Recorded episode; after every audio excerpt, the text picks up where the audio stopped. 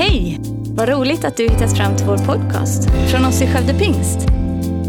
Vår bön är att den ska hjälpa dig förstå mer om vem Gud är, bygga din relation med honom och ge praktiska verktyg för ditt liv. Hörrni, vi ska läsa ett eh, bibelord ifrån Galaterbrevet 2 och vers 20. Eh, ett ord ifrån Paulus. Jag vill uppmuntra dig som, som eh, kanske tittar där hemma att häng med nu en halvtimme ungefär framåt här och liksom byt inte kanal eller vad det är för någonting för jag tror att det här är någonting som Gud vill säga till dig och mig. Galaterbrevet kapitel 2. Eh, en välkänd vers utav Paulus själv som säger så här. Och nu lever inte längre jag, utan Kristus lever i mig. Och det liv jag nu lever i min kropp, det lever jag i tron på Guds son som har älskat mig och utgett sig för mig. Det liv jag nu lever, det liv jag nu lever, det är något speciellt med eh, liksom men, men, eh, personliga stories om våra liv. Eh, det är någonting som är intressant med att få lyssna till en annan människa berätta om sitt liv. En av mina favoritgenrer när det kommer till böcker är just självbiografier. Eh, inte minst att få, få lyssna till en självbiografi eh, när man håller på hemma och har något renoveringsprojekt eller vad vet jag för någonting eller man är på semester kanske. Eh, och bara få höra en människas livsberättelse utifrån deras eget perspektiv. Det finns oändligt med dokumentärer, eh, serier, böcker, talkshows, poddar eh, som just visar att det är helt uppenbart att människor gillar att lyssna till andra människors livsberättelse. Det måste vara något liksom nedlagt i oss att få höra om någon annans liv. Och det som är häftigt är ju att ingen berättelse är den andra lik. Men det som är gemensamt är att alla faktiskt har en berättelse. Du har någonting att säga. Du har någonting att dela med dig av. Och varenda människa du och jag möter, oavsett om det är eh, på, i lunchrummet, på jobbet, eller om det är någon i klassrummet, på skolan, om det är någon på stationen som vi passerar, någon som bor i samma trapphus som oss eller vad det än är för någonting, så har alla människor en helt unik livsberättelse. Och det är någonting fascinerande med det. Jag bara funderar på vad är det som gör att vi trots att det finns 7,8 miljarder människor på vår, på, på vår jord fortfarande är intresserad av att höra en enda av dessa människors story. Jag kan inte säga att jag har svaret på den frågan men för mig så blir det en påminnelse om människans värde. Att varje människa har en berättelse som är värd att lyssna på. Varje människa har någonting som de har gått igenom som de kan dela med sig av. Och det som är så fantastiskt också att varje människa har ett frö av Guds likhet nedlagt av Gud själv som i mötet med Jesus kan slå rot, börja växa och bära frukt till Guds ära. Precis som det var i Paulus liv. Det liv jag nu lever. Vad är det för liv egentligen? Vad, vad handlar det om? Vad vittnar det om? Och det bara slog mig när jag tänkte på det här. Jag tror att, att människans värde kommer i det att vi alla är skapade till Guds avbild. Där finns det ett frö som Gud har lagt ner i dig och mig utav sig själv. Och grejen är att det här fröet av gudslikhet kan bara slå rot, kan bara växa, kan bara bära frukt om Jesus själv, som Bibeln beskriver som såningsmannen, som den som går och planterar. Det är först när han tar det där fröet som Gud har deponerat, alltså Gud har lagt i förvar ett frö av sig själv i varje människa, i dig som tittar just nu, dig som lyssnar just nu finns ett frö nedlagt av Gud deponerat i ditt inre. Men det är bara Jesus som kan ta det där fröet och plantera det så att det kan börja få fäste, slå rot, växa till och bära frukt. Och i det här mötet, i det faktum att Jesus planterar det som Gud har deponerat i oss, där kan vi hitta vår plats. Där tror jag att vi kan gå ifrån vad vet jag, leva för oss själva, bara tänka på oss själva eller, eller vara vilsna i livet till att faktiskt hitta våran plats i livet. Bli en del av något som är långt större eh, eh och, och, eh, som är större också än vad vi själva har lyckats eller misslyckats med. I den här kyrkan så har vi en dröm. Att vi vill bygga en kyrka som människor vill bli en del av. Det är det som driver oss, det är det som motiverar oss. Att vi vill ha en kyrka som människor vill bli en del av. Som man känner, hej, det där verkar vara någonting för mig. De verkar ha någonting att erbjuda mig. De verkar vara intresserade av mig. Den typen av kyrka vill vi bygga som människor vill bli en del av. Hur kan det ske? Jag tror en absolut nyckel är att människor kan se sig själv vara här, vara en av oss. Att det inte känns väsensskilt från det egna livet. Att man, det, det är som att gå in kanske i en, i en tidsmaskin och liksom åka till svunna tider. Eller att det är som att gå in på en exklusiv klubb där man känner oj, alla verkar ha fått meddelandet om hur man skulle klä sig. Alla verkar veta vart man ska gå, vart man inte ska gå. Här passar inte jag in. Allt det där blir viktigt för att få en människa att känna att de vill bli en del av vår kyrka. Hur vi välkomnar, hur vi inkluderar, hur vi bryr oss om. Jag tror att en sak är viktigare än något annat det är att människor ser sig själva i dig och mig. Du vet att den berättelse som du bär på som är en del av den här kyrkan, det kan hjälpa någon annan som har gått igenom någonting liknande som dig att faktiskt inse att wow, det här kanske är någonting för mig trots allt. Och vi är en kyrka som består av alla möjliga olika slags människor. Som har, de som har jobb, de som inte har några jobb, de som är från Sverige, de som är födda någon annanstans, de som har medborgarskap i Sverige, de som är asylsökande, de som talar svenska, de som talar engelska, de som talar farsi och de som talar arabiska, de som går på skolan, de som slutat skolan, de som precis har blivit födda, de som snart ska dö. Vi är en kyrka med alla typer av människor. Och därför vill jag säga till dig att det här är en plats för dig. Det här är en plats för dig och din berättelse, min berättelse kan vara avgörande för någon annan att hitta sin väg till Gud. Gud vill göra sitt verk i dig. Gud vill som sagt ta det där fröet och plantera det så att han kan bli förhärligad genom dig och mig. Och ge ditt liv, ge mitt liv en mening, ge mitt liv ett innehåll, ge mitt och ditt liv en riktning. Och du vet att det Gud vill göra i dig och mig, det är bättre än framgång. Det Gud vill göra i dig och mig är bättre än framgång. Du vet Paulus som var en framgångsrik, välutbildad professor med stort politiskt inflytande. Han som skrev det här bibelordet vi började med att läsa han som hade lyckats så mycket. I den branschen han var i så skulle man inte kunna lyckas bättre än vad Paulus hade gjort. Men se vad han säger i mötet med Jesus i Filipperbrevet 3, vers 7-8. Så säger Paulus så här. Att eh, allt som förr var en vinst för mig räknar jag nu som förlust för Kristi skull. Ja, jag räknar allt som förlust för jag har funnit det som är långt mer värt kunskapen om Kristus Jesus, min Herre. För hans skull har jag förlorat allt och räknar det som skräp för att vinna Kristus. Det är någonting i mötet med Jesus som får allting annat att blekna. Och Paulus som uppnått så mycket i sitt liv ger upp det för att gå efter det Gud hade för honom. När han mötte Jesus så såg han och vann någonting som var mer dyrbart än allt annat han någonsin hade lyckats med.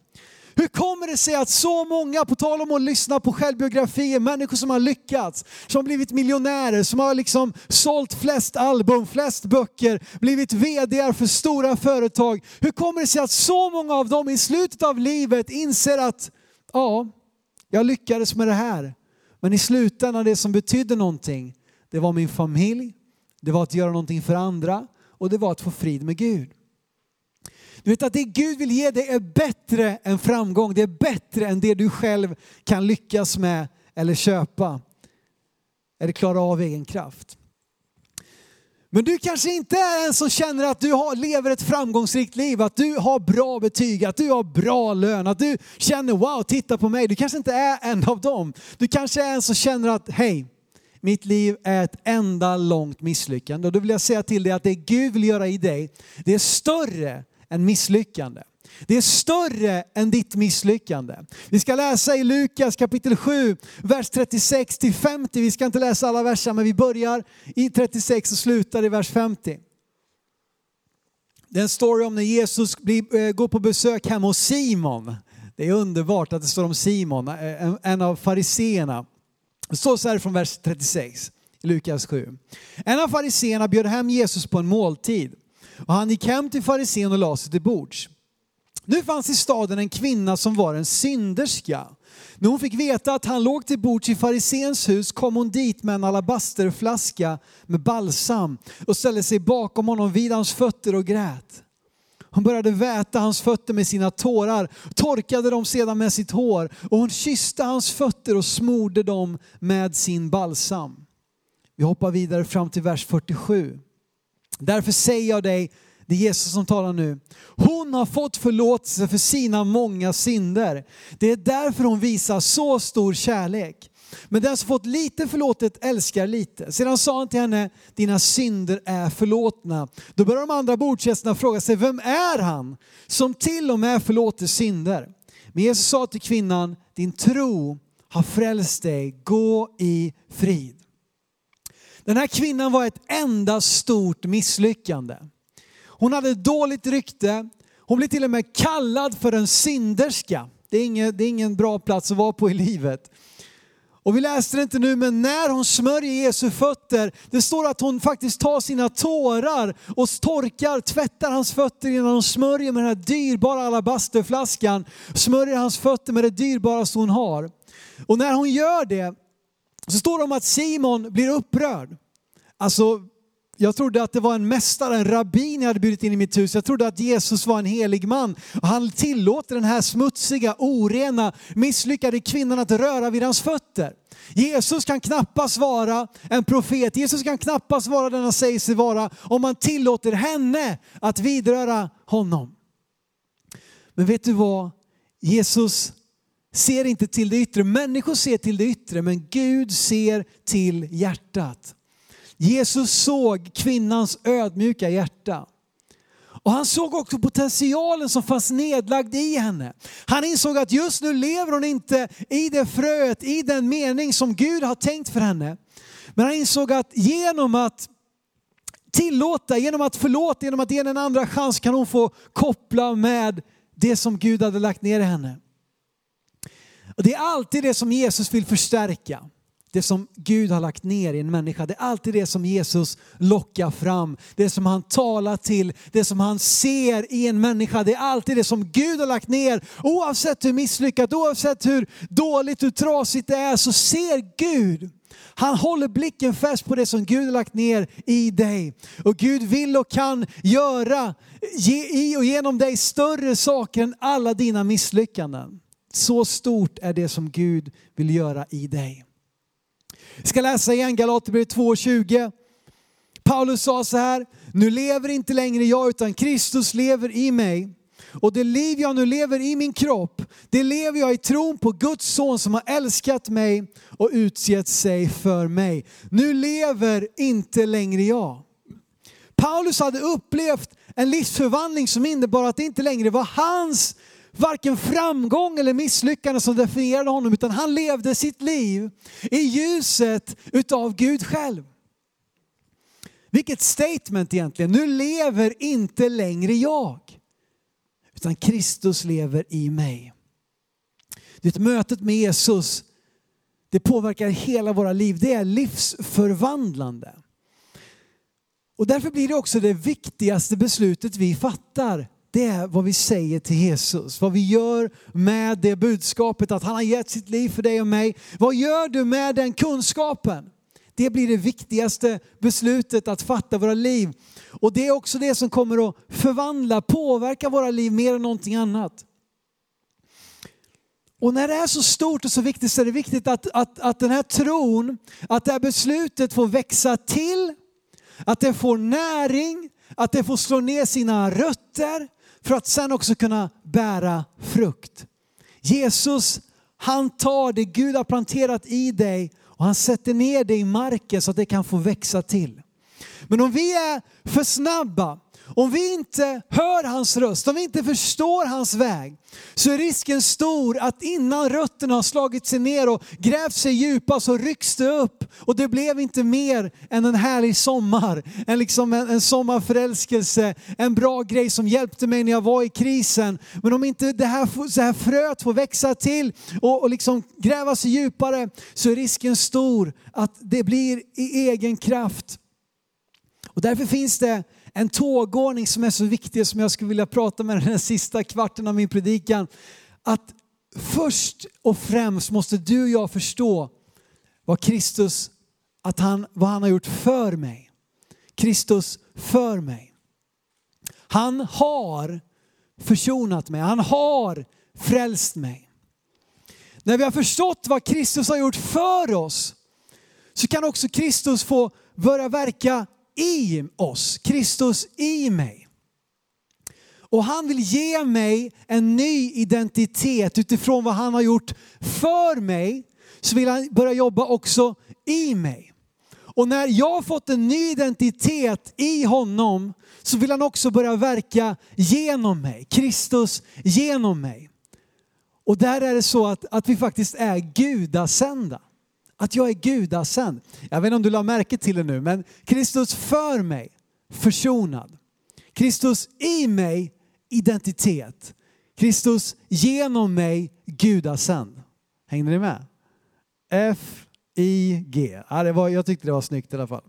Kristus för mig, han har försonat mig. Kristus i mig, han ger mig en ny identitet. Kristus genom mig, jag är gudasänd. Nummer ett är Kristus för mig. Allt det här ser vi i Paulus vers i Galaterbrevet 2. Vad säger han i slutet av den versen? Han säger Guds son som har älskat mig och utgett sig för mig. Guds son som har älskat mig och utgett sig för mig. Kristus för mig. Han har försonat mig. Han har gett sitt liv för mig. Och vet du vad, det är sant oavsett om du har sagt ditt ja till honom eller inte. Det är inte så att Jesus ger sitt liv för dig den stunden du säger ditt ja till honom. Han har redan gjort det. Han har försonat hela mänskligheten i sig. Han har gett, han har uppenbarat sin frälsning för hela mänskligheten. Det har han gjort oavsett vad du kallar dig. Om du kallar dig för ateist, muslim, buddhist, vad det än är för någonting, socialist, kapitalist, you name it. Oavsett vem du är, oavsett vad du har sagt till Gud eller inte sagt till honom, så har han gett sitt liv för dig. Han har försonat dig. Paulus lever sitt liv i tron på något som Jesus har gjort. Han har förstått att han har älskat mig, han har utgett sig för mig. Det var för mig som han dog. Det var för mig som han uppstod. Paulus har insett att det handlar inte bara om en intellektuell kunskap, att, att Jesus blev hängd på ett kors, att det var Pontius Pilatus som dömde domen, att han blev piskad, att han blev korsfäst. Det har inte stannat vid en intellektuell kunskap, det har landat i en personlig uppenbarelse om att det var för mig som han uppstod. Det var för mig som han dog på korset. Han gjorde det medan jag ännu var en syndare. Medan jag ännu föraktade honom. Då dog Kristus för mig. Och till dig som varken säger att Kristus bor i dig eller att Kristus verkar genom dig så gäller det ändå att han är för dig. Han är för dig. Inte alla dina livsval, inte vilken livsstil vi än lever, det är inte det han är för. Men han är för det gudagivna. Han är för gudafröet som finns i dig. Det som är deponerat av Gud Fadern, det är Jesus för. Och det vill han plocka fram genom vad han har gjort för oss och plantera så att du i honom kan få din identitet. Och vi leder mig in på min nästa punkt, Kristus i mig. När jag har förstått att han har gett sitt liv för mig så kan jag också bjuda in honom i mig. Och det kommer förändra allt. Paulus säger, nu lever inte längre jag, utan Kristus lever i mig. Kristus lever i mig. Det är inte längre jag, mig och mitt. Det är inte längre vare sig det jag kan berömma mig över eller det jag skäms över. Det är inte det som identifierar mig längre. Därför att Kristus bor i mig. Han ger mig en ny identitet. Och i det att du säger ditt ja, när du förstår Jesus, du gav ditt liv för mig. I den kunskapen kan du också säga Jesus, ja, jag tar emot vad du gav för mig, flytta in i mitt hjärta. I det börjar en process av att bli mer och mer lika Jesus. Den processen pågår hela livet. Frälsningsögonblicket där du går från mörker till ljus, från evig död till evigt liv är monumental. Men processen att formas i Kristuslikhet pågår hela livet och där behöver vi vara villiga att gå i den heliga Andes skola genom hela livet och inte vara färdiglärda, inte slå oss för bröstet. Hej, jag har varit kristen i 20, 30, 50, 70 år. Jag har läst hela Bibeln framlänges, baklänges, liksom upp och ner, på hebreiska, på grekiska. Det spelar ingen roll. Vi behöver vara villiga att tillåta helig ande att forma oss, påminna oss, mejsla, liksom jobba med oss genom hela livet så att vi får vår identitet i honom. I identitetsbygget så behöver jaget dö. Vad Paulus sa, han sa nu lever inte längre jag, utan Kristus lever i mig. Jaget, det behöver dö. Jaget, det som jag själv återigen har lyckats med eller misslyckats med. Oavsett om du har ett stolt jag. Vi kan leva med ett stolt jag. Där vi som sagt slår oss för bröstet. Där vi tycker att jag har min sann förtjänat. Som Simon farisén som tittade på kvinnan som smorde Jesu fötter och tycker, hallå, liksom, vad är det här? Det här är mitt hem, jag är, väl, jag är, jag är bättre än det här. Det behöver dö.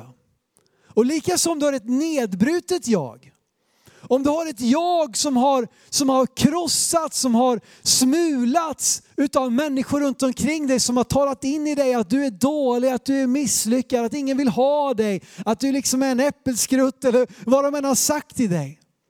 Det behöver också dö. Du behöver förstå att varken dina goda betyg, höga lön, inflytande och makt är inte längre vad du ska identifiera dig i. Högmodet över livets goda måste dö bort. Högmod, den, den högmodige står Gud emot, säger Bibeln. Stolthet och högmod är bland det farligaste du kan ha i ditt liv, för det kommer Gud stå emot. Men likadant måste du inse att smutsen, skammen, övergreppen, förkastelsen är inte heller det vad som längre definierar dig. Utan Kristus i dig.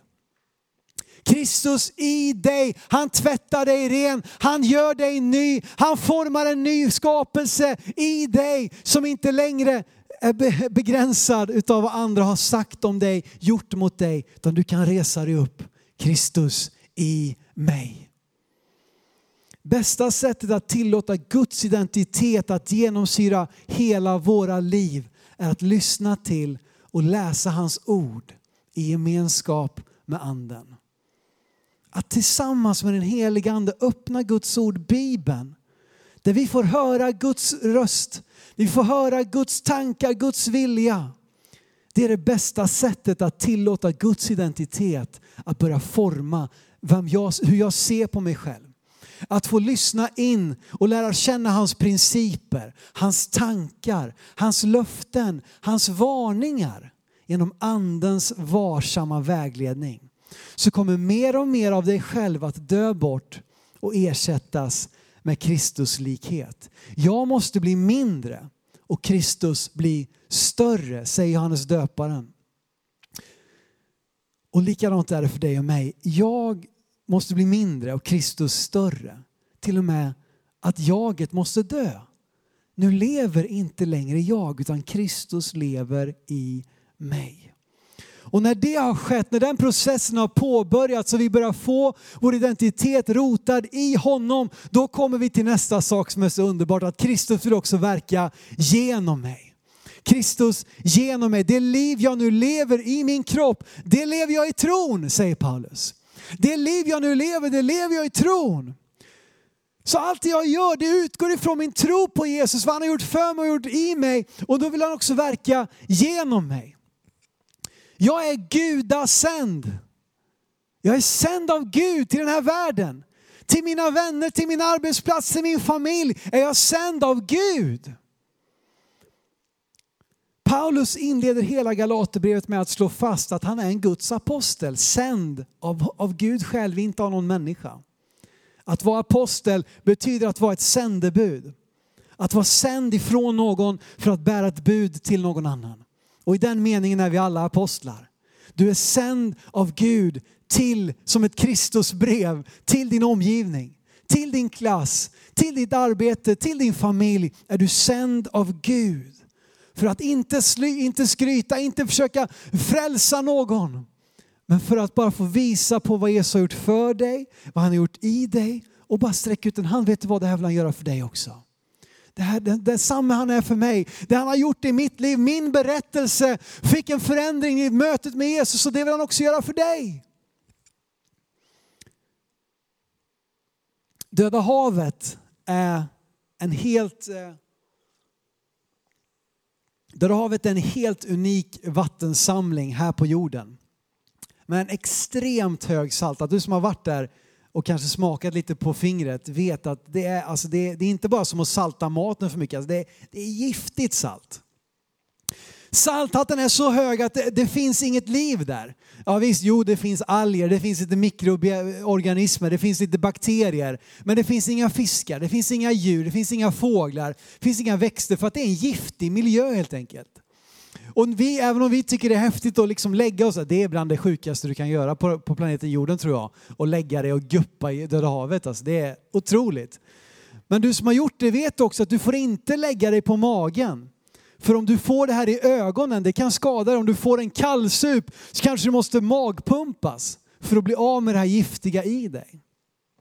Varför är det så giftigt? Vatten vatten symboliserar ju liv. Allt som har liv behöver vatten och där vatten finns där kan liv frodas. Men vad är det som gör att den här vattensamlingen är så giftig?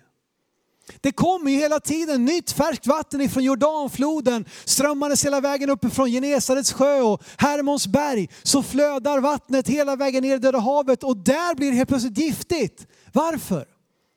Därför att det saknar utlopp. Det finns inget utlopp i det där havet. Det bara rinner in där och stannar där. Och så är det så varmt så att det är avdunstningen som reglerar vattenhöjden, inte att det flödar vidare ett liv som är utan utlopp, utan att någonting kommer till oss och går vidare genom oss. Det är ett giftigt liv. Det är ett ohälsosamt liv. Rent av, som sagt, giftigt. Du vet, att säga att, att, att vara kristen och leva ett självupptaget liv, det är en oxymoron, eller vad säger man? Oxymoron. Det är en självmotsägelse. Det säger emot sig självt. Jag kan inte leva ett själviskt liv i Jesu efterföljelse. Det, det går inte. Ett liv för Jesus är ett liv för andra. Ett liv för Jesus är ett liv för andra. Men det behöver komma i rätt ordning. Allt för ofta rusar vi iväg allt för snabbt ut i stora uppgifter när vi bara har förstått wow, Jesus har gjort någonting och nu ska jag ut och frälsa hela världen. Men om inte Gud har fått slå rot i våra liv så riskerar vi att tappa bort oss själva i allt vi ska göra, allt som han vill göra genom oss. För att vi har inte fått vår identitet rotad i honom. Och då kommer det bli till slut att vi kommer till slutet av oss själva. Eller det kommer bli att vi står till slut i framgången och berömmer oss av vad vi själva har åstadkommit. Men det måste vara Kristus i mig mig som leder till att han också vill verka genom mig. Eh, vet du vad? Gud vill förändra den här världen genom dig. Han vill förändra den här världen genom dig. Och han vill göra det genom mig. Du och jag som har sagt vårt ja till Jesus har fått ett uppdrag att hjälpa människor från mörker till ljus från evig död till evigt liv. Det är vad som är på spel här. Och i det vill Gud använda dig och mig, våran kyrka, våran kropp som finns här utav, utav troende tillsammans med alla andra runt över världen. Och du vet när man tänker på att jag ska förändra världen, 7,8 miljarder människor. Alltså det, det är hopplöst, det är omöjligt. Det kommer aldrig att gå. Och jag satt och samtalade med Carl Gustaf Severin här i våras, en härlig mission, missionspionjär. i, som finns på, på en podcast som jag har. Och han sa så här att han hade insett att han kunde inte frälsa hela Södertälje. Han kunde inte frälsa hela eh, de olika platserna han hade bott på, Uppsala, hela Ryssland. Han kunde inte göra det när han var ung så tänkte han kanske jag kommer nog kunna frälsa hela den här staden. Nu ska vi förändra hela den här världen. Men du vet att jag kan inte förändra hela världen sa han. Men jag kan förändra hela världen för en människa. Jag kan förändra hela världen för en människa och då är det värt allting. Den judiska skriftsamlingen Talmud som är en samling av judiska, eh, liksom, eh, som kommer efter Bibeln, med en sammanställning av judiska rabbiner, säger så här. Att den som räddar ett liv räddar hela världen. Den som räddar ett liv räddar hela världen. Om vi bara tittar på skarorna, om vi tittar på hela världen, ens hela Sverige, ens hela Skövde, hela Skaraborg, så kan vi tappa fokus. Vi känner det går inte, men om vi tittar på en människa så är det möjligt. Och din livsberättelse kan hjälpa någon annan som kanske är på en liknande plats i livet att själva få tag om det Gud har för dem. Det finns ett nytt liv att leva. Och Gud vill använda och verka genom det vi ska läsa från andra Korinthierbrevet 5, vers 15 till 17. Det står så här, att han, Jesus, dog för alla. För att de som lever inte längre ska leva för sig själva utan för honom som har dött och uppstått för dem. Vers 17, om någon är i Kristus är han alltså en ny skapelse. Det gamla är förbi, något nytt har kommit.